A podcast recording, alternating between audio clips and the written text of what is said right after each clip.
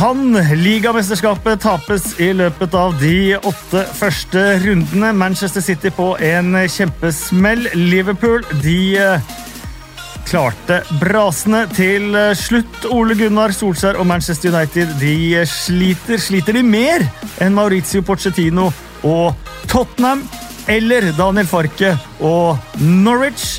Det er så mye å prate om etter denne runden, men vi skal prøve å komme gjennom alt. Og da sier jeg først velkommen tilbake, Karl Erik Torp. Veldig hyggelig å være her. Takk.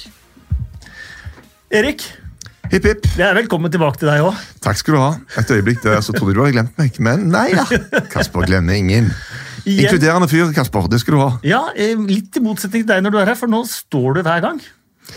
Jeg står, Det er ryggproblematikk, og så lenge jeg står, så går det fint. Når jeg sitter, så blir det litt verre. Så du sitter i Premier League-studio.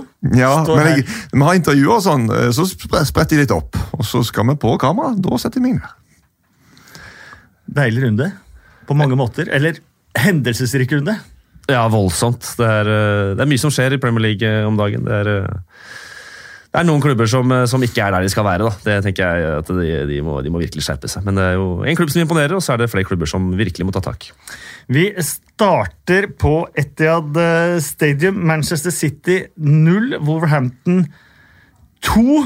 Um, første gang Wolverhampton vinner borte mot Manchester City siden 1979. Tredje gang bare på 63 kamper at eh, Manchester City ikke skårer på hjemmebane.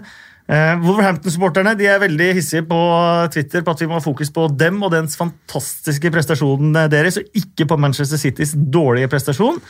Eh, jeg føler det er litt av hvert. jeg. Skal vi begynne med Adama Traoré på høyre wingback, som faktisk er kanskje den eneste spilleren i Premier League som er raskere enn Raheem Sterling? Han er bare en, en av de spillerne i verden jeg elsker mest å se. Topp tre, definitivt. 0 til 100 på ett steg, det er ikke mange som har den inne. Og nå har han jo i tillegg fått eh, noe som virker som å være på grensen til fotballintelligens. Så begynner han å sende bra pasninger, og, og den matchen var så rar, da. For at tre ganger i første omgang så kommer Wolverhampton alene med keeper. Og Otamendi, som jo eh, en av de få midtstopperne de har igjen, eh, og som burde vite hva han holder på med, var jo fullstendig på tur. Og så ender det opp med da i andre omgang, der City tross alt var bedre i andre omgang, for første omgang var ussel. Men så skåret de nesten to helt like mål, og må vi gi Jimenez mye skryt òg, da. For han gjorde superjobb på begge de to skåringene. der. Men Stirling helt nøytralisert. Ja, de, de tok, tok ut eh, virkelig ut eh, City sitt eh, angreps, eh, angrepsrekke. Da. Eh, Men jeg, jeg er helt enig med, med, med Erik her. Altså, det der, eh, altså forarbeidene til Jiminez Altså første, det spesielt det første, da, han slår tunnel og med utsiden av høyre spiller gjennom eh, Traoré. Det er, det er så klasse. Det er så høy klasse. Og nesten det samme. Han gjør det samme på 2-0 også. Da slår han ikke tunnel, men da spiller han gjennom utsiden av høyre. Og det ser vi Otamendi gjør nesten hver eneste kamp. Han går for det. Han bare ruser ut, og så treffer han, eller så treffer han ikke. Ja. Når han ikke treffer, så blir det sånn. Ja, Det er, det er hode, hodemisting, og han går jo inn Han satser på at, uh, at, den, uh, at Jimenez skal gå til høyre, og så går han bare rett fram. Da går han mellom beina hans. Så det er, uh, det er jo et, et av den store akilleshælen til, til City, sånn som jeg ser det nå, at de, de sliter voldsomt. Og han som skal holde det oppe da, bak der, Otamendi, han, uh, han er ikke helt Jeg tror på de topp. tenker at eh, ok, de har litt prinsipper. De lot eksempel Alexis Sanchez eh, gå til Man United pga. pengene. De lot Maguire gå til United pga. pengene. Sånn liker de i hvert fall å fremstille det sjøl. Men jeg tenker Guardiola angrer. De skulle bare klabba på litt ekstra og fått Maguire. Da hadde det greiene der vært mer i boks enn det er nå, i hvert fall. Um Kristoffer Sjøen spør på Twitter tror dere skaden på Laporte kan være avgjørende for tittelkampen. Ja. Greit og enkelt uh, svar. Uh, Pep Guardiola sier spillerne blir nervøse uh, når de ikke får den åpnings, åpningsskåringa. Ja, det har jo vært et problem for dem. De er så vant med å hele veien være i uh, førersetet og bare fyke ut av blokkene, skåre, ta kontroll over matchen. At når det ikke skjer, så blir de litt shaky. Og Det er en, en svakhet i det laget der. at de, eh, Akkurat nå ser jo Liverpool mye mer eh, mentalt robust ut enn det City gjør. Og altså, Vi skal ikke lenger tilbake til en forrige sesong der Liverpool vel kasta vekk åtte poengs ledelse. Gjorde de ikke det? Sju, ja. Og, men, men jeg tenker at eh, nå må ha sikkert Liverpool også lært, men, men det er en lang sesong. Ting kan skje. Men akkurat nå er det klart i favør eh, den røde gjengen. Altså. Eh, Som Vivek Sharma skriver, og som Ole Gunnar Solskjær sa faktisk før sesongen, og som Pep Guardiola også eh, kanskje har hinta om, man kan ikke vinne ligaen i løpet av eh, august og september og de første åtte kampene, men man kan tape den. Eh, tror du Manchester City har tatt den? Nei, det viser jo altså fjoråret, egentlig. da, At det er eh, Altså, de var de var syv poeng bak i fjor, nå er de åtte poeng bak, da, så det er jo ett poeng mer. da, skal vi se om de... Men hadde ikke anledning det var til- tett her til slutt. Men var det ikke sånn at de kunne gått opp på ni poeng? De hadde en match De, hadde, forrige de sesong. var ti kunne... poeng bak med kamp til gode, Ja. og så var de sju poeng bak da de møtte Liverpool. Hadde Ja. de tapt da, så hadde det blitt Ja. hadde det blitt ti, da. Men så var det John Stones, millimetermatchen, uh, ja. Som, eh, som tok den. Men Espirito Santo sier Manchester City ikke er det samme laget som de foregående sesongene. Ja, Det er jo litt utskiftninger, da. Eh, Men jeg tror først og fremst skadene der som gjør at det Altså, Når du ser kampen i går også, så er det eh, måten de spiller på, gjør jo at de blir utsatt i, altså, i en del sånn kontringsfase defensivt. da. Når ikke de spillerne de har bak der er gode nok én mot én, så blir det, blir det blir det store sjanser da, og mål. Og det, De må være gode nok, eh, flinke nok én mot én til, til å håndtere det spillet Guardiola ønsker å spille. Men skal vi ta det på alvor, det der med å hylle Wolverhampton, eller? Yeah. Så vi blåser i gang og sier at hva? De spiller borte mot Besiktas på torsdag. De skårer på overtid for en kjempeboost. Eh, Men eh, som Santo sa etterpå, han fikk spørsmål om hvordan er stemningen i garderoben nå. Vet du hva, Vi feira i to minutter, og så var det bare snakk om én eneste ting. Og hente seg inn igjen. Det var bare snakk om eh, recoup og eh, tenke neste match. Men vi har jo heldigvis sagt at de kom til å slite pga. Uh, Europaligaen. Ok, her viser de at eh, de var gode, altså.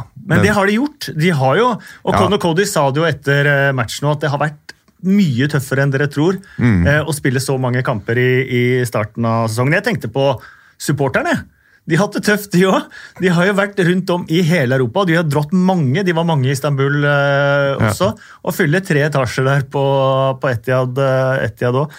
Eh, Adama Traoré, omtalt av eh, Martin Keown eh, som en Ferrari med en øvelseskjører eh, inni. Ja. Men eh, nå har han jo kontroll på det. Første målet hans i Premier League på 32 kamper. Og så, eh, Sånn som med ketsjup. Først kommer det ingenting, så kommer det ingenting, og så kommer alt. Ja. så kommer det en han viste jo i. Championship også at han Ja, både kan eh, levere målgivende Han har og, eh, og blitt bedre. og det, er s- eh, Han er en som på en måte For det første en attraksjon, og for det andre så forsvarer han plutselig et, en plass i startoppstillingen. Før var jo en sånn fyr du heiv innpå når du hadde trøbbel et kvarter før slutt. Men, men sånn er det ikke lenger. Det skal jo treneren og, og gjengen der ha mye skryt for. Hadde du sett for, for deg han som en wingback? Ja, altså, Som gjorde sine defensive oppgaver prikkfritt. Jesus Navas er jo plutselig landslagsback, han altså. Så det er jo, og det er jo noen trenere som har den evnen å se på en måte gjennom den sementerte oppfatningen vi har av spillere. da. Og greier å se ja, men her kan de kanskje være noe annet enn det alle tror de er. Og det, det er liksom det Trenere som har det blikket, syns jeg er kult. Det, altså, tenker jeg det handler veldig mye om hva er han god på. da. Mm. Og så Ikke bare fokusere på hva han mangler, for det, det er veldig mange trenere som er ekstremt flinke til. da. Altså, Ja. han, han, er, ikke god nok på det, derfor kan vi ikke gjøre det. Mm. Istedenfor bare Han er sinnssykt god på dette. Han har vanvittig fart, offensivt kontringsvåpen uh, ut av en annen verden. Bruk det, liksom. Men de lette vel etter mangler hos deg i mange år uten å finne noen ting? Var det ikke sånn? Jeg har fatt mye feil, men ikke Ehm, på den ehm, ikke langt unna, en liten times kjøretur unna, så vant eh, Liverpool 2-1 mot eh, Leicester. Nå har de 17 strake seire. Én seier fra å tangere Manchester Citys rekord på 18. Sadio Mané skåret sitt 50. ligamål. Det satt langt inne. De måtte ha et straffespark på overtid, et omdiskutert et eh, sådan. Ehm, men de vant. Og det er så sterkt. Altså, vi, må aldri altså, Bare tenk over det. Vinne 17 kamper på rad. Ikke ubeseira, du skal vinne samtlige. Du skal ikke ha uflaks i noen av de. Alle skal din vei. Og Det er bare Det er en syk prestasjon. Altså. Og mot Leicester så den XG-en, eh, expected goal-scan i den matchen der var så klokkeklart i favør eh, Liverpool at det var, det var ingen tvil om hvem som skulle ha de tre poengene. Altså. Selv om det kom helt på slutten. Allikevel så var det rasende Jørgen Klopp i uh, intervjusonen eh, etterpå, etter Hamza Chaudhrys takling på uh, eh, Salah. På eh, Salah, ja. Mm. Eh, hva mener du Takling i seg selv er jo kanskje ikke en rødt kort-takling, men når du ser hvor lite sjanse han har på ballen, og at han kun går for mann, så er jo det å utsette motstander for fare, tenker jeg. Og jeg gir kanskje Klopp et poeng der. Han, eh, jeg synes han er en kjempebra spiller. Altså. Altså, jeg liker han virkelig, ja, Ja. virkelig, virkelig godt. Men i EM U21 i sommer Mot Bamba. Så, eh, så hadde jo England et superlag, og de trodde kanskje de var Dette skal vi ta hjem, liksom. Og så mot Frankrike, eh, de leder, han blir utvist. For en grusom Den Det var fæl, altså. Ja. Så han har det jo innabords, og han må lære, altså. Og han hadde det samme mot Matt Ritchie i Ja. ja. ligacupen. Så det er tredje nå på noen måneder hvor han virkelig nesten kunne endt et par karrierer. Ja, og det eh, Noen må bare ta et ord med han, og han må justere spillestilen sin. For det er er det greit derfor nok Klopp blir sur fordi at det er akkurat Chaudhry med den historikken? Ja, Mulig, jeg vet ikke. Mm, Det, det er ofte lett å, å, å liksom Det imaget som en spiller har, da, tar du jo med deg inn i den, sånne situasjoner. Sant? Hvis det er en eh, David Silva som gjør et eller annet grisete, så ser du på en måte, tenker du mer at det er et uhell enn om det er Chaudhry. da. Um, Brendan Rogers mente straffen var soft, eh, Kalle. Ja, jeg, eh, jeg tenker at det, den er Det er ikke alle som detter der. Um, han får en touch på foten, uh, Mané, men det er um, Det er ikke sånn at han ikke klarer å stå der hvis han, hvis han vil. Han Uh, kjenner en touch, og da uh, tenker han at da går jeg ned. Og det er for så vidt fair, det. Ja. Det, er, det er sånn det har blitt, og det, alle gjør det. Eh, det vi kanskje nesten kan konkludere 100 er at VAR ikke ville gjøre om den eh, avgjørelsen, men de hadde ikke gjort om avgjørelsen hvis han ikke hadde blåst heller. Nei, sannsynligvis. Der, der er det dommers uh, avgjørelse der da som hadde stått. Uh, Albrighton gir jo muligheten til Mané for å falle der, og det er det, er det man må kritisere. Da, at man er så litt urutinert. er- de, de, de roter det til der da, i for, forkant av situasjonen, og Schmeichel er ute. Og, og, og ikke, det er dårlig kommunikasjon der i tillegg. så... Men jeg, jeg så på denne på ny, Det ser ut som eh, Schmeichel roper, altså. Jeg vet ikke hva han roper, men han brøler høyt. Så det er mulig at Albrighton bare rett og slett ignorerer han eh, og tar ballen sjøl. For det er naturlig, tenker jeg, at når han kommer ut der, så brøler han at det er keepers ball. altså. Og han hadde jo hatt den. Ja, Eh, Jeg har sett noen dommere som sier at dette er ikke noe å diskutere. det er soleklar straffe. Eh, Mark Halsey, tidligere Premier League-dommeren, skriver at det var a very, very generous decision. Eh, Og han tror at eh, dommer eh, Kavanagh hadde blåst den andre veien hvis han hadde sett den på skjermen. ja men altså... De ser ikke på skjermen på hva Nei, de, får, de må ta split second decision. Og, vi hadde jo VAR-seminar her, og det må vi jo bare si også, at, at når VAR går inn og ser på den situasjonen, så vurderer de ikke om det er straffe eller ei. Det gjør de ikke. Det er ikke sånn, Er dette straffe? Nei, De vurderer er det en clear and obvious error å blåse den straffen. Og det var det ikke. Nei. Nei. Um, Klopp meldte Leicester som uh, topp fire-kandidat etter uh, matchen. Eh, Ja, definitivt. Når du ser hvordan de andre lagene der holder på å rote, så Ja, De ligger på fjerde nå, da, så det er jo veldig Men topp fire vinnes ikke i løpet av de åtte Nei, er første. Nei, jeg jeg syns de har sett, sett uh, morsomme ut. Jeg, jeg syns de har en power og en uh, intensitet i spillet sitt som, jeg, som mange av de andre lagene mangler. da. Og så har de mye herlige typer. da. Men de har faktisk, eh, altså Det som er jo positivt, er at de har tetta hullet til Maguire. Men framover så har de faktisk skapt en god del mindre enn det de gjorde eh, på tampen av forrige sesong. De har overskåra veldig. Og det er lite bærekraftig i lengden. Det er jo supert at du har spisser som skårer masse mål på ikke så mange sjanser, men i lengden så har det en tendens til å jevne seg ut. Så de må faktisk bli bedre til å skape sjanser. Og mot Liverpool var det jo nada, omtrent. Så der har de en jobb å gjøre i forhold til å, å få et bedre og mer kreativt angrepsspill. Madison er ute på der. Tilemans de er jo bra spillere, men foreløpig har det vært litt for mye at uh, Vardi klinker inn fra skotthold. hold.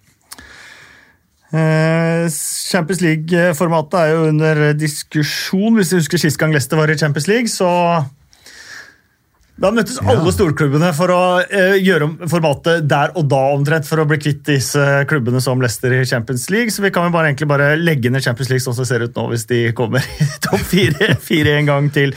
Vi går til St. James' Park, Newcastle 1, Manchester United 0. Eh, mange prater om eh, Manchester United og Solskjær, men vi kan jo kanskje begynne med unge Matt Longstaff. Ginga. Ginger! Ja, han sa det, Steve Bruce. Han har sett han der gingeren på trening i Kina og ikke visste hvem han var, men syntes han var ganske god. Jeg har, har snakket med det en stund, da. det har vært lenge snakk om at han, han var en mulig fyr å, å sette innpå. Men uh, altså, Ordet drømmedebut har vel aldri hatt en, uh, en mer uh, treffende betydning enn denne gangen. Altså. Det var sykt. Altså, var han god? Altså, han var, han var god, i, god i matchen. Ja. Og så er det gøy da han spiller ved siden av broren sin, eh, Sean Longstaff, som, eh, som er litt mer rutinert, har vært, vært med litt før, men det er Nei, For meg er det, synes jeg det var eh, det, ja, Vi kommer tilbake til det senere, sikkert, men er, han gjør en god match. Og han er, for meg er han jeg, jeg måtte gå, gå inn på Wisecout og titte litt mer på han, og det, var, og det var nesten ingenting som fantes der. Det var sånn U21-matcher eh, med Newcastle. Han er jo en ekte Newcastle-gutt. Disse gutta er jo vært der hele livet sitt og er jo supportere av hele sitt hjerte. Men han er han minner meg altså litt om en annen ginger, og det er Paul Scholes. Ja. Altså, det er ikke bare, bare å si det for at han er ginger, men han, det, det er foten, det er skuddet. Skuddet så vi i går. Ja. To ganger. En, en i tverrlegger der som eh, han er uheldig at ikke går inn. Og så er det fantastisk satt den 1-0-skåringa også, at han bare banker den inn. Eh, apropos eh, fans, eh, du kan si hva du vil om Newcastle-fansen, men eh, fotballkyndig Før det skuddet i tverrleggeren så er han jo i en skuddposisjon på 20 par 20 meter. Da roper de jo 'shoot'! Det er helt åpenbart at mange der har sett Matt Longstaff før debuten. Det imponerte meg. Nå, nå er du langt inne i materien. Ja, det- det imponerte meg. Det skal vi, vi skal langt inn. Var det spesielle seksjoner på tribunen som ropte høyere enn andre? nei, Hvor men- sitter de men- som har best men peiling på folk? Sitter de på P-feltet, eller er det Hørte du ikke det? Han kom inn, eh, og dette var ganske tidlig i, i kampen. eh, eh, Jeg husker ikke om Han skøyt da, og det ble blokkert da han passa til siden. Men det var før tverrleggerskuddet, så ble det Mm. ropt shoot. Da var det, og det er ikke Mange av de folka som går på match, de følger jo med. Ja. De elsker jo å ha sett de unge spillerne først. mm. Så de kan fortelle kompisene at han der, han er dritbra. Han har jeg sett på en eller annen. U19-match eller et eller annet sånt. Da. Så de vet jo at han sannsynligvis har det i arsenalet. Mm. Så, eh, men vi hadde jo Tobias Santelmann i Premier League-studio i går, skuespilleren som er med i Exit eh, osv. Og, så videre, og han sa jo noe som jeg synes var ganske kult. Han sa at ja, når jeg spilte, det var jo ikke et høyt nivå, men jeg spilte alltid bedre sammen med broren min. Altså, Det er et eller annet der. Altså, Tenk å gå ut på det, og så ser du bort og sier broderen der. De har gjort det mye lettere for han. For eh, de var gode sammen.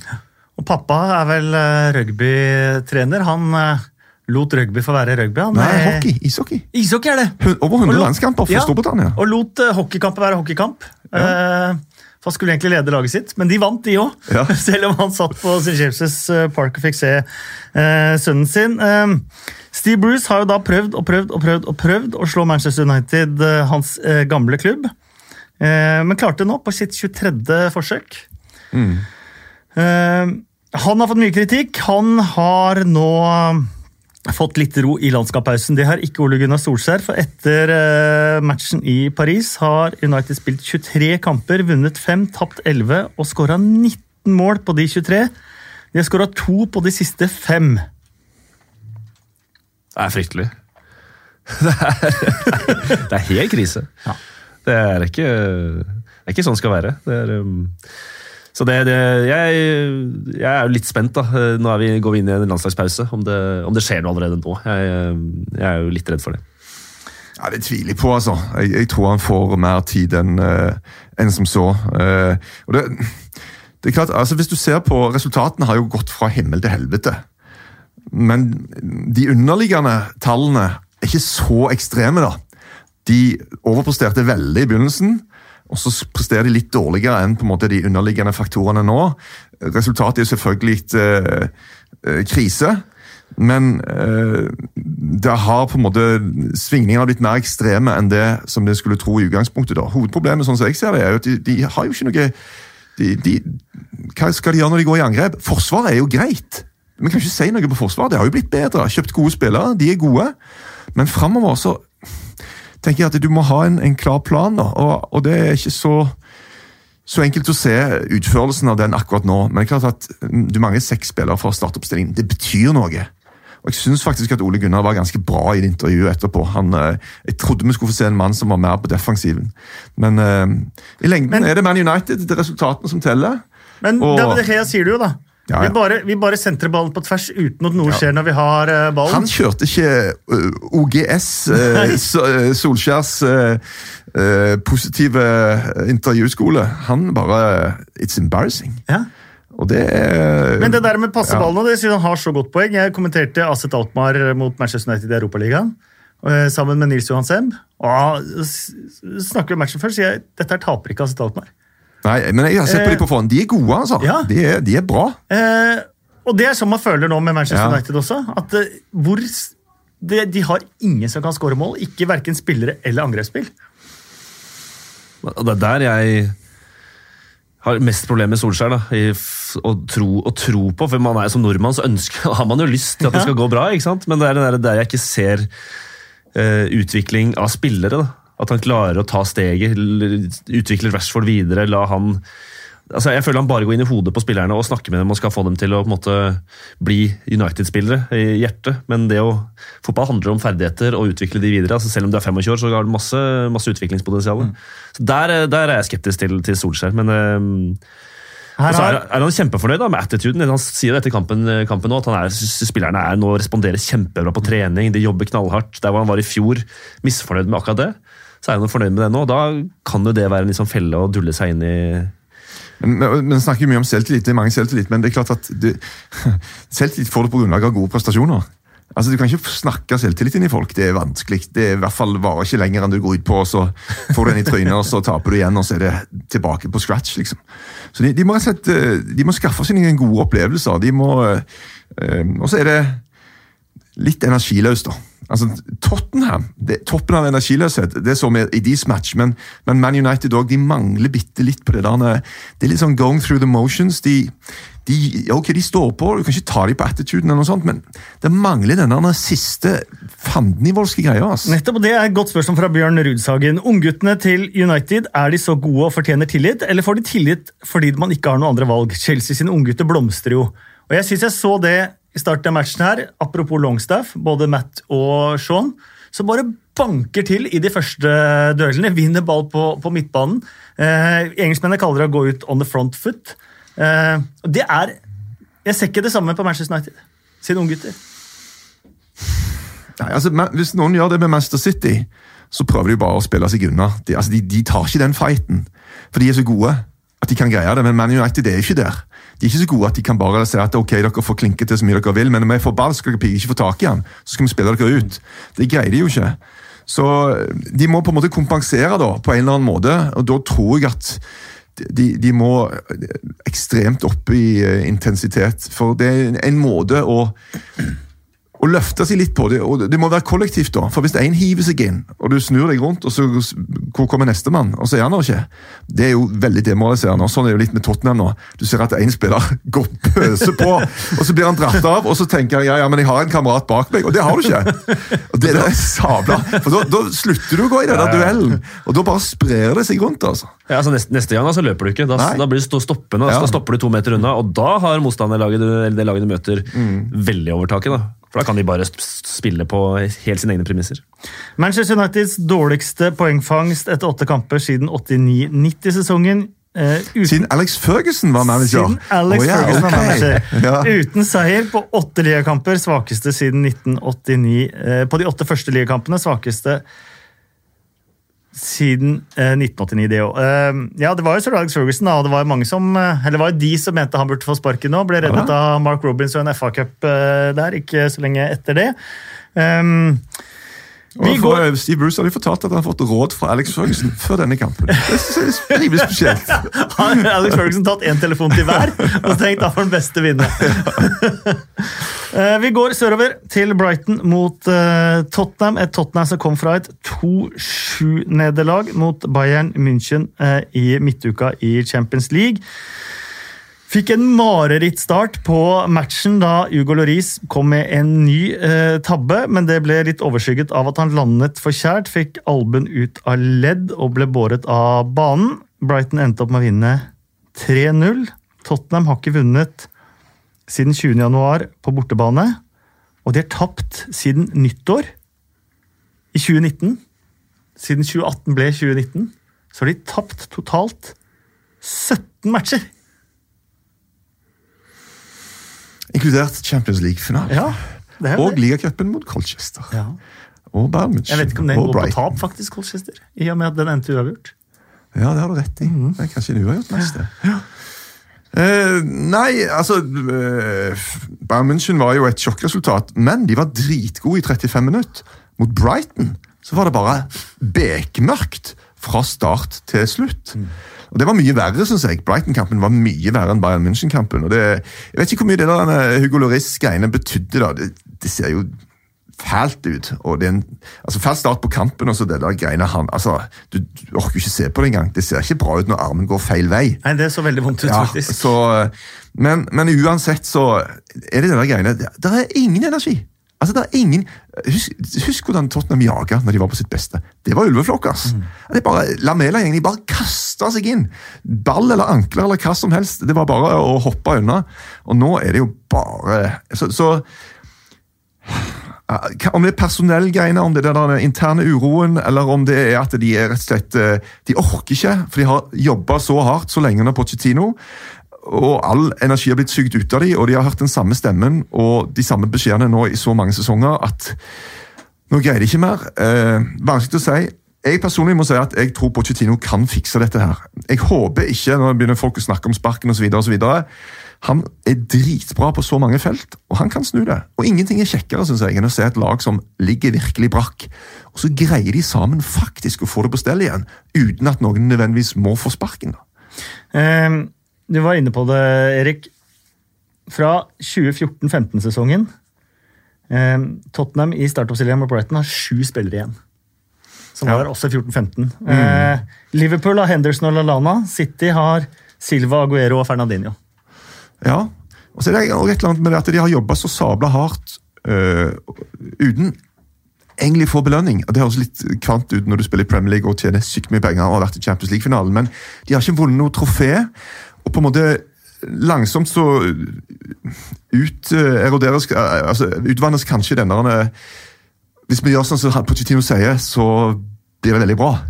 Og, og denne tendensen her går langt tilbake. Vi skal tilbake i 2018 når pilene begynte å peke nedover i forhold til produksjon, eh, Harry Kane, alt dette her. Kan de spille det der presspillet med Harry Kane, som tydelig har blitt tregere?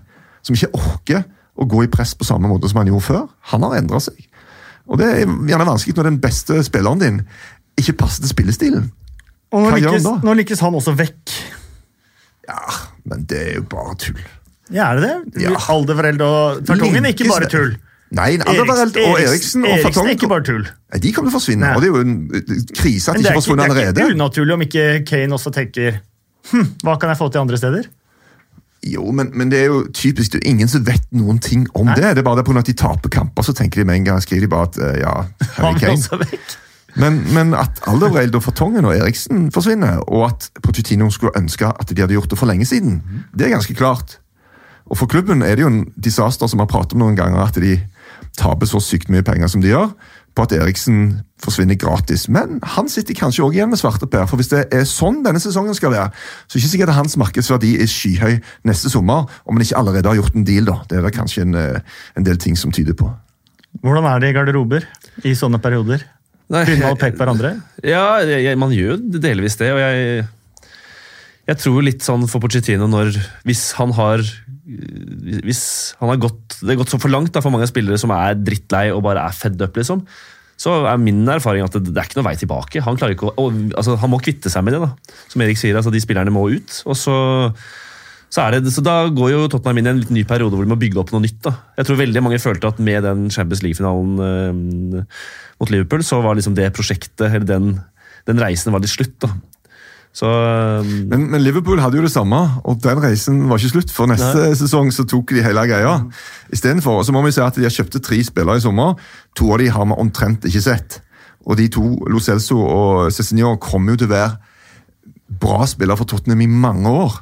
Og de har ikke fått brukt dem ennå. Så det er jo sånne ting òg. Men likevel, totalen er wow, altså. Og det er fascinerende å se på. Hvor, bra, hvor, hvor fort et superbra fotballag kan bli ræva dårlig.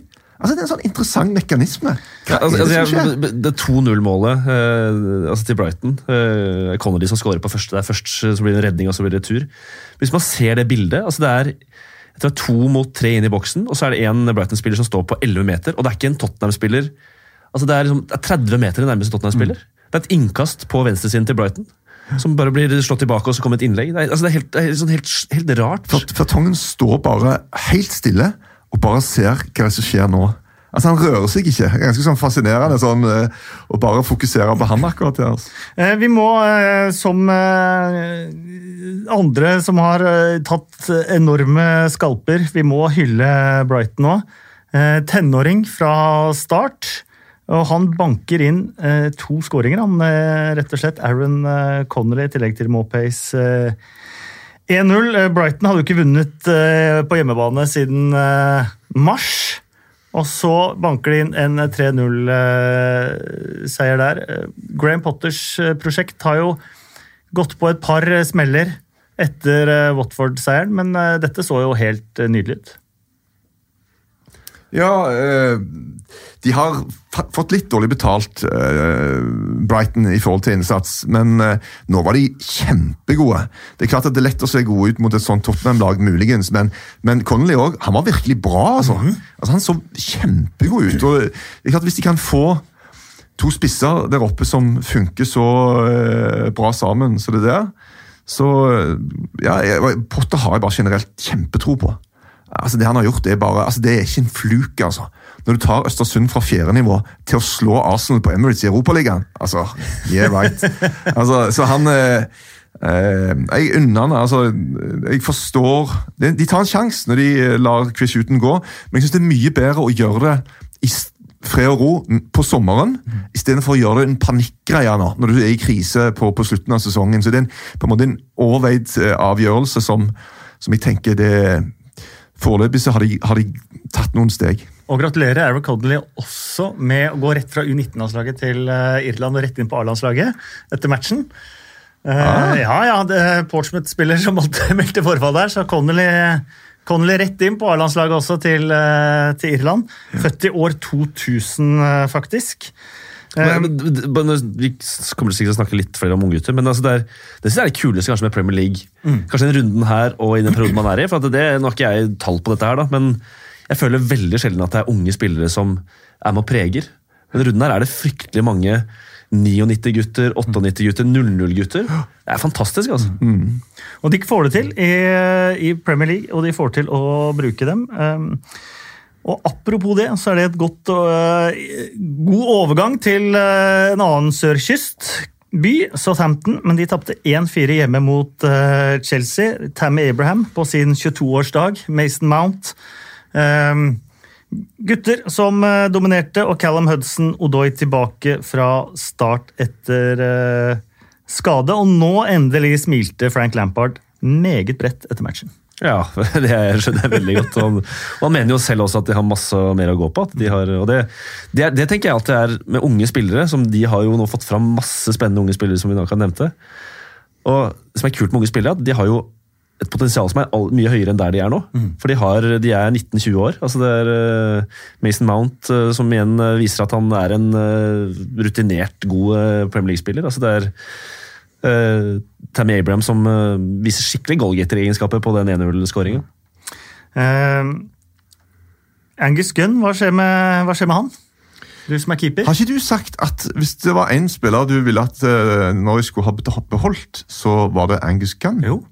At han over alle andre, Madison, hele pakken Av de som, av, Ja. Der hvor, hvor man på en måte har hatt en mangel, eh, Ja. der hvor han forlot, ja. Nei, han, Eh, det, han, han, har, eh, det er et eller annet rart. For han er inne i sin tøffeste periode Ja. som keeper nå, da. Det kan man si. Ja, ja det, det ser eh, Vi prater faktisk om det litt sånn off-air i Premier League-studio her. at eh, Nei, Angus Gunn, altså. De har prøvd mange keepere der etter hvert. så Southampton, De har hatt en sånn skikkelig karusell. Så hvis han fortsetter sånn, så, eh, så kommer det til å bytte igjen. altså. Men for unge keepere da er det greit. Vrakes, kanskje være ute en måned, to, tre. Eh, og komme tilbake i angrepsposisjon, på en måte. Jo, men eh, da er du avhengig av at den andre ikke er så bra, da. Altså, da. Det er jo keepers, eh, Ja, ja, ja. Svøpe. Og det, Av personlighet ser jeg jo han, han er jo ingen dominerende personlighet. Du ser jo at han er litt sånn litt stille og for sakte på mange måter. Og det er helt ok det, så lenge du tar ballen eh, med jevne mellomrom. Men det har han jo ikke helt gjort, og den siste var vel mellom beina òg. Som han har hatt et par av, tror jeg. Så, eh, og så er han veldig smal over skuldrene. Alltid skeptiske til sånne smale skuldre på keeper. Du er altså. du. Du må ha litt brei. Ja, altså, jeg kan ikke være asparges og stå i mål, altså. Det går ikke. Men, men er det til den uh, Batshuayi er det den, er den siste skåringa der, er det en keepertabbe? Ja, jeg tenker at Når du er så skrått og sånn, så du, du må stenge igjen. I hvert fall rundt deg. Uh, altså, Det GO ikke tenke slått at, ok, skal være ikke gå noe inn eh, på en måte mellom beina eller rett rundt eh, beina mine. Ok, Putter de lenger ut, fair enough, det blir det vanskelig, vanskeligere, men rundt her så skal jeg fall stenge igjen. Og, og det gjør han jo ikke. Så jeg har jo fått uh, Jeg husker det var Vi spilte i Tyskland, og så var det noen som hadde tatt bilde akkurat på rett tidspunkt. Og så sto det liksom, eh, sto det en 'Vi mein ein Torwart durch die Beinen spielt. Og det var selvfølgelig Thorstvedt som fikk en eh, ball akkurat mellom beina. da. Og det er pinlig, syns jeg. da. Det er noe du prøver å unngå. Eh, Det betyr det at eh, Southampton de eh, gikk på en ny hjemmesmell. Sliter voldsomt på hjemmebane også under Hasenhüttel, men for Chelsea så ser det langt bedre ut. Får nå også to uker fram til neste gang. Tomori på landslaget, Tammy Abraham på landslaget, Mason Mount på, eh, på landslaget. Hudson Odoi tilbake, Loftus Cheek venter. Og Reece James venter. Han var på benken nå tilbake fra skade. Han er den jeg nesten er mest spent på etter å ha sett ham for Wiggen forrige sesong. Eh, kan være eh, enten en midtbanespiller eller erstatteren til at spiller Queta. Um, så det er jo dette vi har venta det- på med Chelsea da i lang, lang, lang lang tid. Ja, og det er dritkult med så mange engelske. Eh, og jeg tenker at eh, Pulisic må betale prisen for at han ikke er engelsk. Ja. Altså helt seriøst. Men- jeg tror Frank Lampard elsker det der unge engelske spillere så mye. Og grunnen til at så mange unge engelske spillere får sjansen nå, er at det er så mange engelske managere i ligaen som har et annet syn på det, som liker å bruke de. Og jeg tenker Pulisic, vet du hva, da er du faktisk litt bak i køen. Eh, på grunn av Jeg syns han var bra, jeg. Jeg synes vært god, jeg, når jeg har sett Og så svarer han med å gi kanskje rundens fineste assist. da. Ja. Den, er, den er klasse. Men nå har liksom blitt plassert litt på benken, eh, sånn som det der, eh, og man er litt sånn innbyttere sammen i kamp etter kamp etter kamp. Får man litt sånn eh, Sånn som keeperklubben, at man har litt sånn innbytterklubben. For du så feiringa til Bachuay og Pulisic sammen etter den skåringa. De hadde sin egen greie der. Ja, Godt mulig de sto når de varma opp sammen der, at de sto og snakka om det. og... Ja, ja. De sitter jo og, og slenger drit på benken sammen om alle de som er utpå der. Herregud, se på det. der. Ja, og så kommer de inn, og så, ikke sant? de sier, at det, dette kan vi bedre sjøl, og så kommer de inn, og så gjør de det på en måte bedre. Så det er jo bra, det. Eh, Arsenal de eh, vant 1-0 mot eh, Bournemouth. De er faktisk oppe på tredjeplass på tabellen, og de har kun tapt mot Liverpool denne sesongen. Litt under radaren. Jeg får ikke veldig negative til Arsenal. Altså, og, vet du hva som er kult? Det kuleste med Arsenal denne sesongen syns jeg er gjengen i Europaligaen. Altså, de har, de har 7-0 mot Eintracht Frankfurt eh, og Standard Liège. Og de spiller jo de der unge guttene med Martinelli, som er jo bare helt sykt god spiss. 18 år gammel.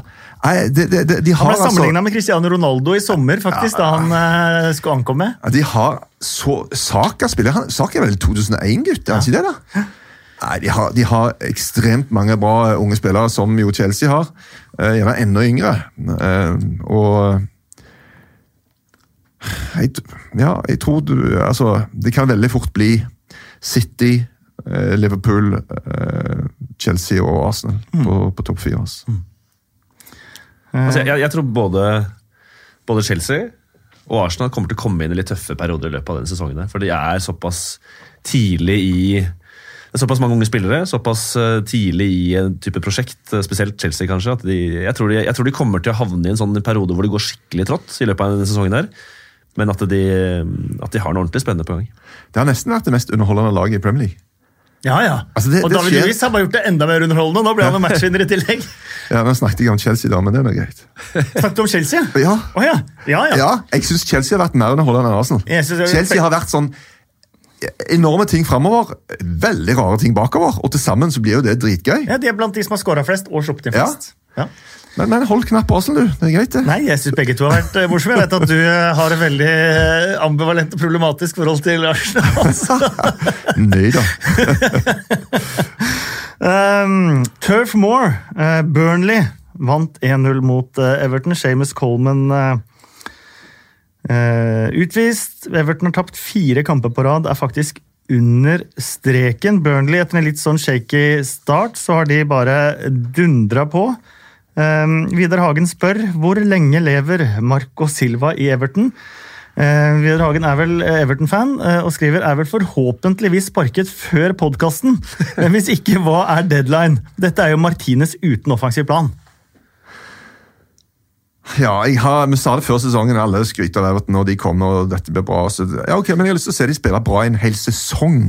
De har jo alltid sånne perioder der det er alltid på skinner, og så er det andre greier der det er bare helt bånn. Og der er det jo nå eh, Moyes tilbake er jo det siste. Jeg har- Er det det? Ja, Det er morsomt riktig. ja, faktisk. Ja, er det det? Så, men men eh, nei, det der eh, Men han må få en mer sjanser enn dette her, tenker jeg. Det, det, du kan ikke skrinlegge det nå. Du må gi det litt lengre tid. Men eh, det ser, eh, ser tungt ut. Det varierer så veldig, da. Jeg Gjør det det nå? For nå har de vært svake, bortsett fra Manchester City. Jo da, men hvis du bare skulle altså, Ok, sp- spol åtte kamper tilbake, da, eller slutten av forrige sesong. Da var det jo plutselig uh, Goodison var et fort igjen. Trøkket som var både på og utenfor banen. liksom, Nå er vi tilbake. Og så Eller husker jeg helt feil? da? Nei, du husker ikke feil, for Nei. de slapp jo ikke inn mål på hjemmebane på seks-sju kamper der, og de vant jo seks og syv. Og... Så jeg husker ikke helt feil. Eh, Men jeg, jeg, jeg føler likevel at jeg, jeg er litt enig med Vidar Hagen her. Du vil ha det ut? Nei, men, det er jo Vil du ha at han skal få sparken, Kasper? Det er et enkelt ja-nei-spørsmål. Ja, hadde jeg vært uh, Nei, du har ikke svart ja eller Bill nei. Kenwright, så tror jeg faktisk i hvert fall at jeg vurderte og sett i hvert fall på alternativer. Så tror jeg faktisk at de i hvert fall hadde vurdert det. Det er altså å sitte på gjerdet så sinnssvakt. Sett på alternativer. Hadde, hadde David Moyes vært villig til å sa det Nei. uh, Carrow Road. Jeg, jeg vil bare ta det målet. jeg, For jeg synes, det- er det noen som har sett, så, har sett målet? Ja, ja. Altså enerskåringa på corner, corner der. Det er et godt innspill. Ja, det er fantastisk. For at det, det, det er sånn Man ser det først, så tenker man ikke så mye over det. Altså Coleman er utvist, så det kan jo hende at in, tallmessig inne i feltet her så ser det litt annerledes ut. Men altså, uh, James Tarkovsky blokker Morgan eh, Schneiderlin. Det ser ut som at det er en corner som blir slått fra venstre som er altfor høy. Men det er innøvd. Det er helt klart innøvd. Ja, for de gjorde det i første omgang òg. Ja, det så jeg. det, det fikk jeg Da redda jo, eh, Ja, da enda- redda jo enda verre hvis Pickford ikke de det. klarte å- Ja, det er akkurat det. De har sluppet inn klart flest på dødball i, i Premier League. Fikk jo første advarselen som Pickford redda, Ja. og så skårer de på nøyaktig samme Ja, måte i andre Jeff. Henrik på Ja. og det er en fantastisk avslutning òg. Ja, For, det for den er ikke ferdig skåra. Altså. det er det ikke. De, altså, det er liksom, du setter opp det der sabla trekket, og alt funker. Og alt jeg trenger å gjøre nå Nå må jeg treffe riktig, altså, så presset er jo litt på. Så greier han det. De er vanskelig å møte. Eh, morsomt å se Burnley. Eh, nei, det er det ikke. Men eh, Ja. det er morsomt å se at de får gode resultater. Vi skal akkurat begynne å kverulere igjen, Kasper. Så henter du deg inn. Det er morsomt å se resultatene. Eh, det er det ikke på Carrow Road hvis du er hjemmefan. Eh, de hadde jo egentlig bare ett hjemmetap hele 2019 før denne matchen mot Aston Villa. Norwich eh, taper eh, 5-1, og endelig får Aston Villa litt sånn betalt som man har venta på at de skulle få denne sesongen, for de har hatt mye uflaks. De har spilt bedre enn poengene har. Ja, det, det, Jeg har ikke sett alle matchene deres, men jeg, jeg, jeg så matchen nå. det er, Jeg så at det var noen på tribunen som koste seg veldig. Eh, Prins William og Kate og sønnen George, som Ja. eh, valgte en god bortekamp å, å dra og se match på. hvert. Blitt mange republikanere på, i Norfolk i løpet av 90 minutter. Men, men altså, det er Nor altså, det Norwich-laget altså, det, det, Er det ett lag man ikke kan bli klok på, så er det det laget der. da. De har Ja. fryktelig mye skader og mye spillere ute som er viktige for dem. Men, men det var hver, i kampen her så var det hver gang de fikk brudd, så skårte Aston Villa. Det var, det var helt fullstendig åpent. Og mangel på returløp og, og altså, reparere en dårlig offensiv involvering. Altså, det er Så dårlige avstander de hadde. Jeg, jeg reiv meg i hårene så, så Norwich. Men eh, det er sjelden man ser en kamp også, eh, hvor man får skåre så enkle mål. ja, helt, begge de to første til Wesley, eksempel. Og sånn var det jo Championship òg, men da skåra de gjerne fire når de slapp inn tre. Eh, og sånn har det vært denne sesongen også. Eh, Nå skal det sies da at det er to midtbanespillere som er stoppeparet nå. Eh, han ene har spilt mye stopper, han andre har vel aldri spilt stopper før han har måttet gjøre det nå.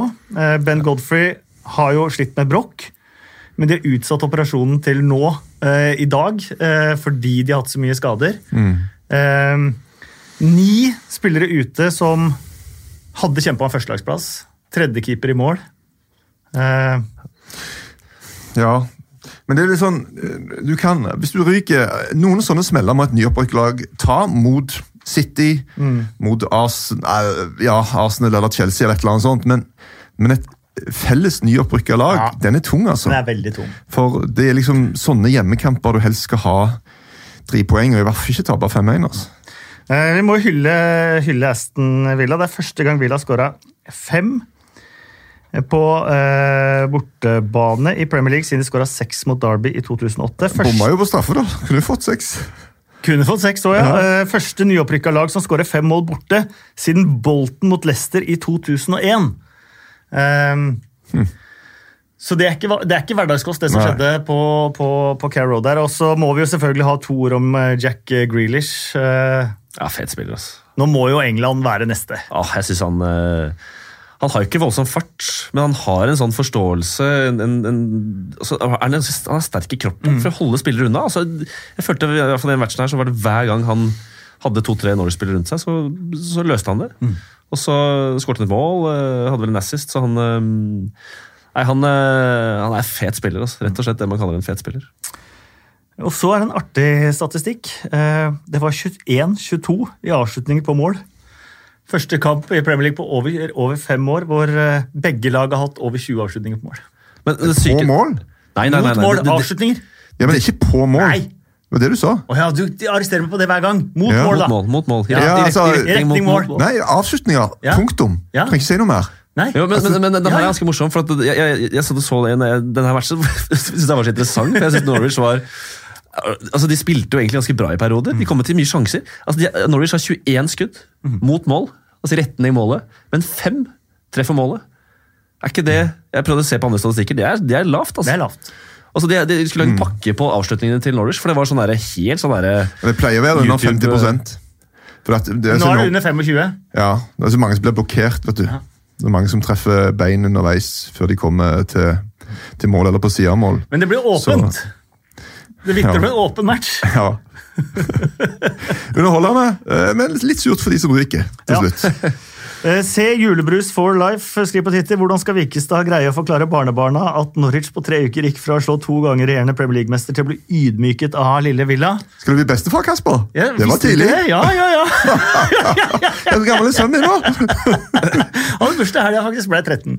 Så vi venter noen år med det, tenker jeg. Um, eh, men man skjønte at det var sånn det skulle bli. Det er vel greit nå.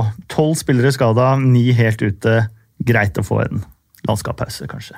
ja, det, For noen lag passer det bedre enn for andre. det, Men så var det en definerende kamp for begge to. Man føler at det laget som vant, får en liten eh, luke, får pusterom, får de tingene. Det laget som tapte, antageligvis er nok der nede og kjemper med streken, i hvert fall til over nyttår, kanskje ut sesong. Ja, og det er jo altså Vi må jo realitetssjekke hvor Norwich er egentlig, og hva de gjorde i sommer. De brukte så ekstremt lite penger. Jeg kjører et annet type prosjekt, det står det respekt av. Og det kan godt være at de greier seg, men det blir på håret i tilfelle. Eh, Watford 0, Sheffield United 0. Eh, ikke altfor mye å ta med seg eh, derfra, bortsett fra at Watford sliter. De har gått målløs av banen i fem av åtte seriekamper denne sesongen. Sheffield United har ett bortetap på sine 18 siste ligakamper, og det kom mot uh, Swansea. UB-seier på bortebane etter opprykket. De er solide. Jeg tenker de havner øverst av de tre. Uh, Jeg tror Villa. f- eh, ja, men, men altså, Sheffield United er så, de er så vanskelig å bryte ned. da. De er liksom solide hver sabla gang. altså. Deilig at Dean Henderson reiser seg etter Ja. å ha blitt slakta av egen manager etter forrige match. Så hadde han flere enormt gode redninger. men men det, er altså, det er helt utrolig at ikke Watford vinner den matchen. nå. Ja, Altså, De har tre sinnssykt store sjanser. Jeg nevnte ikke sjansen til André Gray, for jeg tror den hadde blitt tatt på offside på VAR, men det er bare min eh, feeling. Ja, At, at okay. Welbeck kan spille gjennom Hva tenker du på nå? Den der storvannblåseren over på åpen. ja, den, første, den første som er på åpen mål, er Ja. den Ja, den, Det går den, den det fikk jeg med meg. Ja, jeg tror det. Ja, okay. Jeg ble så overraska at den ble så stort diskusjonstema, for jeg tenkte Det hadde blitt, off- det hadde blitt avblåst. at var, var, var jeg- offside. Nei, men da kanskje jeg tar helt feil. Men så har du Nei, veldig- så- Men du har Welbeck alene med keeper, Ja. eh, som kanskje bør spille Gray, for da hadde han vært, da hadde vært på blank. Ja. og ikke vært offside. Og så er det vel en heading av Clay Dawson eh, Ja. på fem meter der, altså, som er eh, nesten vanskelig å bomme på enn å score på. Så det er de, bortsett fra det så var det ikke så mye sjanser de hadde, men de, men de var store, de de fikk. da. Westham tok ledelsen 1-0 hjemme mot eh, Crystal Palace. VAR kom i fokus der, og da Palace snudde til å vinne 2-1. Og Crystal Palace de er nå altså oppe Er det fjerdeplass? Fjerde eller Le- Leicester. Femte? Hvordan skjedde det?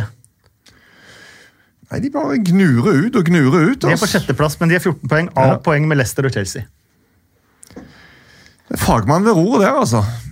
Ja, Jo, men altså så har de da Jeg må si at jeg er- Han viste oss at de eldste er eldst mot de, Pellegrini der. de er sabla eh, godt organisert, og så har de altså jeg, jeg må si det, Vi har sagt det en million ganger, men eh, Sahar, altså.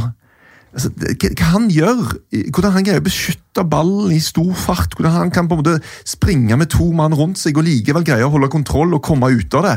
Og det å ha en sånn fyr, Han er ikke en relasjonell spiller, litt usikker på hvordan han passer inn i et sånn annet topplag, men for Palace Gullgjevers! altså. Fy filler'n, det betyr mye. Men uh, var ikke dette litt sånn kamp hvor, uh, hvor uh, Westham skulle vise at de kan være et litt sånn stabilt topplag? Være der oppe? Ja, lett å være skuffa over Westham etter den matchen der. Definitivt. Jamolenko har vi skrytt mye av. Filippe Andersson og den gjengen som selvfølgelig kan være bra, og var de bare ikke denne gang. Haller skåra jo Aller. Aller. Skåra jo igjen. Men, eh, så det har jo vært et bra kjøp, ingen tvil om det. Og Westham er jo blitt bedre. De er ikke så lett å skåre masse mål på som de var før. Men Fabianski er òg ute. da. Jeg sier ikke at det gjorde en forskjell i den kampen, men jeg tror det kommer til å gjøre en forskjell før han er tilbake. For han har bare tatt så ekstremt mye for det laget. det. Da går vi på rundens eh, utdelinger. Det var moro å se på. Morata var kjempegod. Hva i all verden? Er. Han snakka ikke om seg sjæl, han snakka om dommeren. Og at da tenkte jeg bare mitt forslag på ukjent helt først, for i og med at vi prata om Westham mot Crystal Palace. Og det er, Han er jo ikke ukjent, øh, og han er meget merittert, men øh, jeg har likevel gått litt under radaren. Gary Cahills inntreden i det Palace-forsvaret. Ja. Han har vært enorm. Mm, og koster vel Null. Ja. Bortsett fra det han skal ha selv. Ja. Nei, det, og det er litt gøy, da. En fyr som har vært høyt oppe, spilt på engelske landslaget, blir plutselig nulla. Og Hva gjør det med deg som fotballspiller og menneske? Og så får du på en måte en, en oppreisning, kommer tilbake og får vist hvor bra du er. da. Og Det syns jeg er en bra Jeg, historie. tenkt, jeg, jeg slo meg at hadde Norwich gjort den øh, overgangen der, så hadde det Norwich-laget sett helt annerledes ut.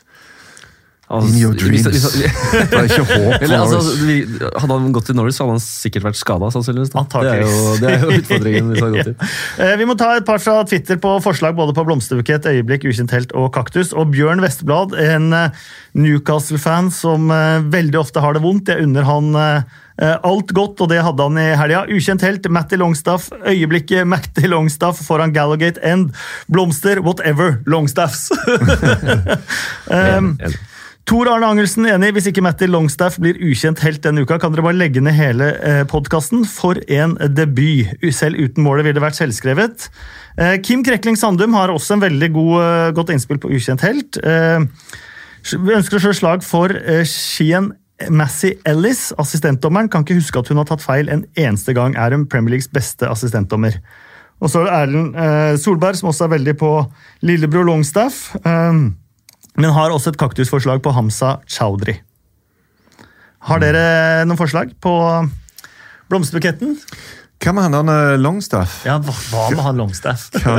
bare så- jeg- jeg stemmer på Sean- Sean- Ja, ja, Sean bare Longstaff. bestemmer Sean. Bare for var vanskelig. men, men skal jeg si, altså jeg er helt enig i buketten. For meg burde den buketten deles. Forrige episode her så ble vel den gitt til Newcastle-fansen. For eh, de tapte 5-0, og måten de støtta laget sitt på. Jeg synes de kan egentlig bare i, i, dag, I går fikk de igjen da fra spillerne sine. Så jeg syns de egentlig bare kan gi den videre til, til Longstaff-brødrene. Og jeg synes det, det, det vakreste øyeblikket er Hvis dere har sett det der altså, eh, postmatch-intervjuet med de to, hvor Sean Longstaff gir man of the match til, eh, til broren. Ja. Det er fint, altså. Ja, det var veldig bra. Eh, og Han står og snakker om at eh, hele familien er her. og De sikkert drukket litt og ble litt trøbbel på at vi skulle få dem med hjem. og sånne ting. Så, og Det virker som de bodde hjemme, Ja, ja. begge to, fortsatt. Så det er stilig, da. Så Vi skal lansere et helt vanvittig forslag som kommer til å få det Jeg bare ta, hvis, Ja. før, før vi blir ferdig med Longstaff, jeg fikk tekstmelding fra Espen Ven, som var på St. James' Park i går, at det første Matty sa til Steve Bruce på vei av banen, eh, var 'thank you'.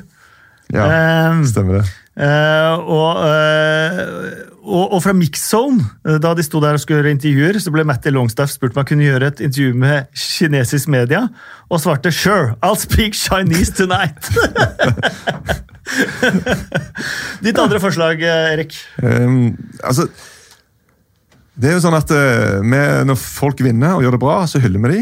Og så går det dårlig, så slakter vi de. Ja. Det er liksom dynamikken. da. Av og til kjennes det litt sånn litt forgjeves. da. Så, eh, og så er det noe som heter at du skal eh, elske ungene dine mest når de fortjener det minst. Og jeg tenker at Noen som ligger litt nede, da, kan kanskje fortjene en blomst. Så til ergrelse for ekstremt mange der ute, så tenker jeg at ja, Ole Gunnar, la han få en blomst. La han få en oppmuntring. Det, er det noen som trenger det mer enn han, da? Longstaff han har jo bare cruisa av gårde hele helga. Han er jo helt på en snurr. Men, men Ole Gunnar han trenger en oppmuntring. Jeg regner ikke med å få gehør, men nå er det sagt. Nei, for jeg tenker ukjent helt, Nå har alle prata Matt eh, Longstaff, så jeg tenker liksom at ukjent helt kan han ikke få. Fordi at han er så kjent nå. Men kanskje blomsterbuketten framfor Ole Gunnar. Ja, ok. Men jeg, jeg, det var en jeg gikk gjennom Twitter-feeden der også, var det en som eh, foreslo uh, Olai Årdal foreslo uh, Adrian, keeperen til uh, Liverpool. Som ukjent helt, ja. Som ukjent helt kommet inn, uh, gjort det knallbra. For det var jo liksom virkelig sånn ok, shit, kan, eh, kan de klare dette her nå? De har vunnet åtte kamper med han. Eh, og så måtte jeg selvfølgelig inn og google. Og det, det, grunnen til at jeg er med han er, er kul, han heter Adrian San Miguel. ja. Ja, ja. Det er så kult. Så heter han ikke det heller. For vi får mye pes i Premier Del League-studio. Cas- Castillo. Nei, vi får mye pes. Og vi får mye pes for uttale, Kasper. Stemmer det? Eh, ja. San, San Maximin. Dere, gjør, dere gjør kanskje San det. Maximin. Ja. Og eh, vi har fått pes for Adrian. Det skal hete Adrian. Adrian. Ja, ja, Adrian. Det har vi fått pes på. Ja. Ja. vi gjør det, og det er fair enough. Ja. Greit det. Men du vil ha en ølreferanse inn der altså? rett og slett. Nei, jeg skal ikke dra, dra videre. Men jeg, vi hadde spiller på Broren til uh, Osman Nyan, Alfa Nyan, spilte jeg sammen med en periode. Han, vi var på La Manga. Han kom inn første kvelden på rommet vårt med en, eh, med en bærepose med San Miguel. Han ble, han ble hetende Alfa Miguel hele, hele uken. Så her har vi Adrian med San Miguel. Eh, skal vi gi blomstene til Mette Langstaff? Ukjent helt til Skien. Ja, ja det, jeg er helt enig. Men jeg kan huske en gang hun gjorde en feil. Men det er absurd lite. Eh, oppe, altså det, det er helt enig. Det er helt el Nei, ikke ellevilt, skal vi heller ikke si. for vi også for. Ja. Helt ekstremt bra uh, hvordan hun treffer. Altså Igjen og igjen og igjen. og igjen. Enig, må være den beste assistentdommeren. Kult, da gir vi henne ukjent-helten. Og så har vi da øyeblikket. Matt Longstaff eh, ligger høyt oppe der òg, men kanskje Maguires bom har vi også fått, uh, fått uh, innspill om på, på Twitter. Eh, Ja. Milners straffeskåring. Mange gode øyeblikk. Traoré. Traoré er Altså, et hvis vi enormt snakker, øyeblikk, det òg. snakker litt sånn sesongdefinerende, Ja. så er jo det nesten like mye Ja. som eh, noe annet. Men uh... Da går vi for Traoré. Han fortjener det. Kaktusen. Jeg stemmer i hva det Erlend Solberg sa, at Hamza Chaudhry fortjener den. Spesielt det med den. Han er ung spiller, har ikke spilt så men begynner å få en historikk på det der. og skadespillere. Jeg vet ikke om det er innenfor, men jeg vil gi det til Cardiff fotballklubb. Nå er jeg så dritlei denne sabla pissegjengen der borte. Som har drept på draget på den måten at de må ut med en haug med penger for eh, noe de ikke får. Men her snakker vi om en fyr som har blitt drept, som har dødd, eh, med familien og alt dette innebærer, og så sitter de der og bare lager masse kvalm for å slippe å betale. Og det syns jeg er uverdig. altså. Helt enig. Det er et godt innspill. Cardiff får eh, kaktusen. Og vi går til Bill Edgar. Arsenals syv siste. Aldri skjedd! Første gang siden er den sjette spilleren. Fun factsene til Bill Edgar. Bill Edgar, statistikkmannen statistikkmann i eh, The Times, eh, har sine betraktninger hver eh, mandag i bilaget The Game. Eh, Vi siterer han eh, med hans, eh, en del av hans Hva skal man kalle det? Betraktninger, eller hva han har oppdaget i løpet av helgen. Eh, Du er veldig opptatt av expected wow. Er det høy expected why i dag? Nei, ikke så høy i dag heller, og det var det ikke forrige gang vi hadde det heller, men da ble wowen veldig stor, så da skåra de mye høyere enn expected expected Å, wow. Ja. Okay. Men det er jo ikke bærekraftig i lengden. Det viser kanskje dagen i dag. Eller? eh, expected wow-statistikken, eller Ja, eh, hvis, du overskår, oversk hvis du overskårer expected wow veldig, da. Ja, nei, da er det ikke i lengden, det Men begynner han å bli gammel? Hvor gammel er Bill Edgar? Eh, aner ikke, kanskje på din alder? Veldig gammel, altså. Det går nedover. Hæ? I can vouch for that. Ja, det, det kan gå oppover, det òg. um, Fire dager etter at eh, Tottenham ble første engelske lag til å slippe inn syv mål i en europacupkamp, ble de første lag på 20 år til å både slippe inn mål og miste keeperen sin i løpet av kampens åtte første minutter. Aaron Connolly, Den var sær, altså. Aaron Connolly ble første spiller født på 2000-tallet til å skåre en dobbel i Premier League. Det er jo en liten eh, kryss i taket. Brighton er første lag i det som kalles da Premier League-æraen til å skåre på to ulike keepere i løpet av kampens første 32 minutter. Åtte poeng skiller lag 1 og 2 i Premier League. Åtte poeng skiller lag 1 og 15 i Championship. Oi. Eller 1 og 13, mener jeg, i La Liga. Og 1 og 13 i La Liga, ja. Mm. Så mye for verdens mest kompetitive liga. Eh, Åtte poeng mellom én og to etter åtte runder er den største avstanden i den øverste divisjonen i England siden 1985-86-sesongen. På Manchester Citys 63 siste hjemmekamper har de gått målløse av banen tre ganger. De har møtt Wolverhampton tre av de 63 kampene og gått målløse av dem to. Så de har to av nullene på A3 på 63 kamper eh, mot Manchester City på Etihad. Det er første gang Pep Guardiola har hatt en katalaner til å skåre en dobbel mot han. Adama Traoré er jo fra Catalonia, han også. Mm. før sesongen hadde ikke noe lag vunnet de seks siste i én sesong for å vinne de seks første den neste sesongen. Nå har Liverpool vunnet åtte i hver ende. Og Jeremina og Kurt Zuma er blant Sheffield Uniteds toppskårere denne sesongen. Det var Bill Edgar. Det var vel på ganske expected wow? Litt Ja, lav. jeg synes det var fin, jeg. Ja. Eh, par spørsmål fra Twitter. Vi begynner med Fantasy Gemal. Eh, mange nye niere eh, imponert, importert til Premier League-sesongen eh, eh, i sommer. Eh, mange av de er imponert. Hvem har truffet best?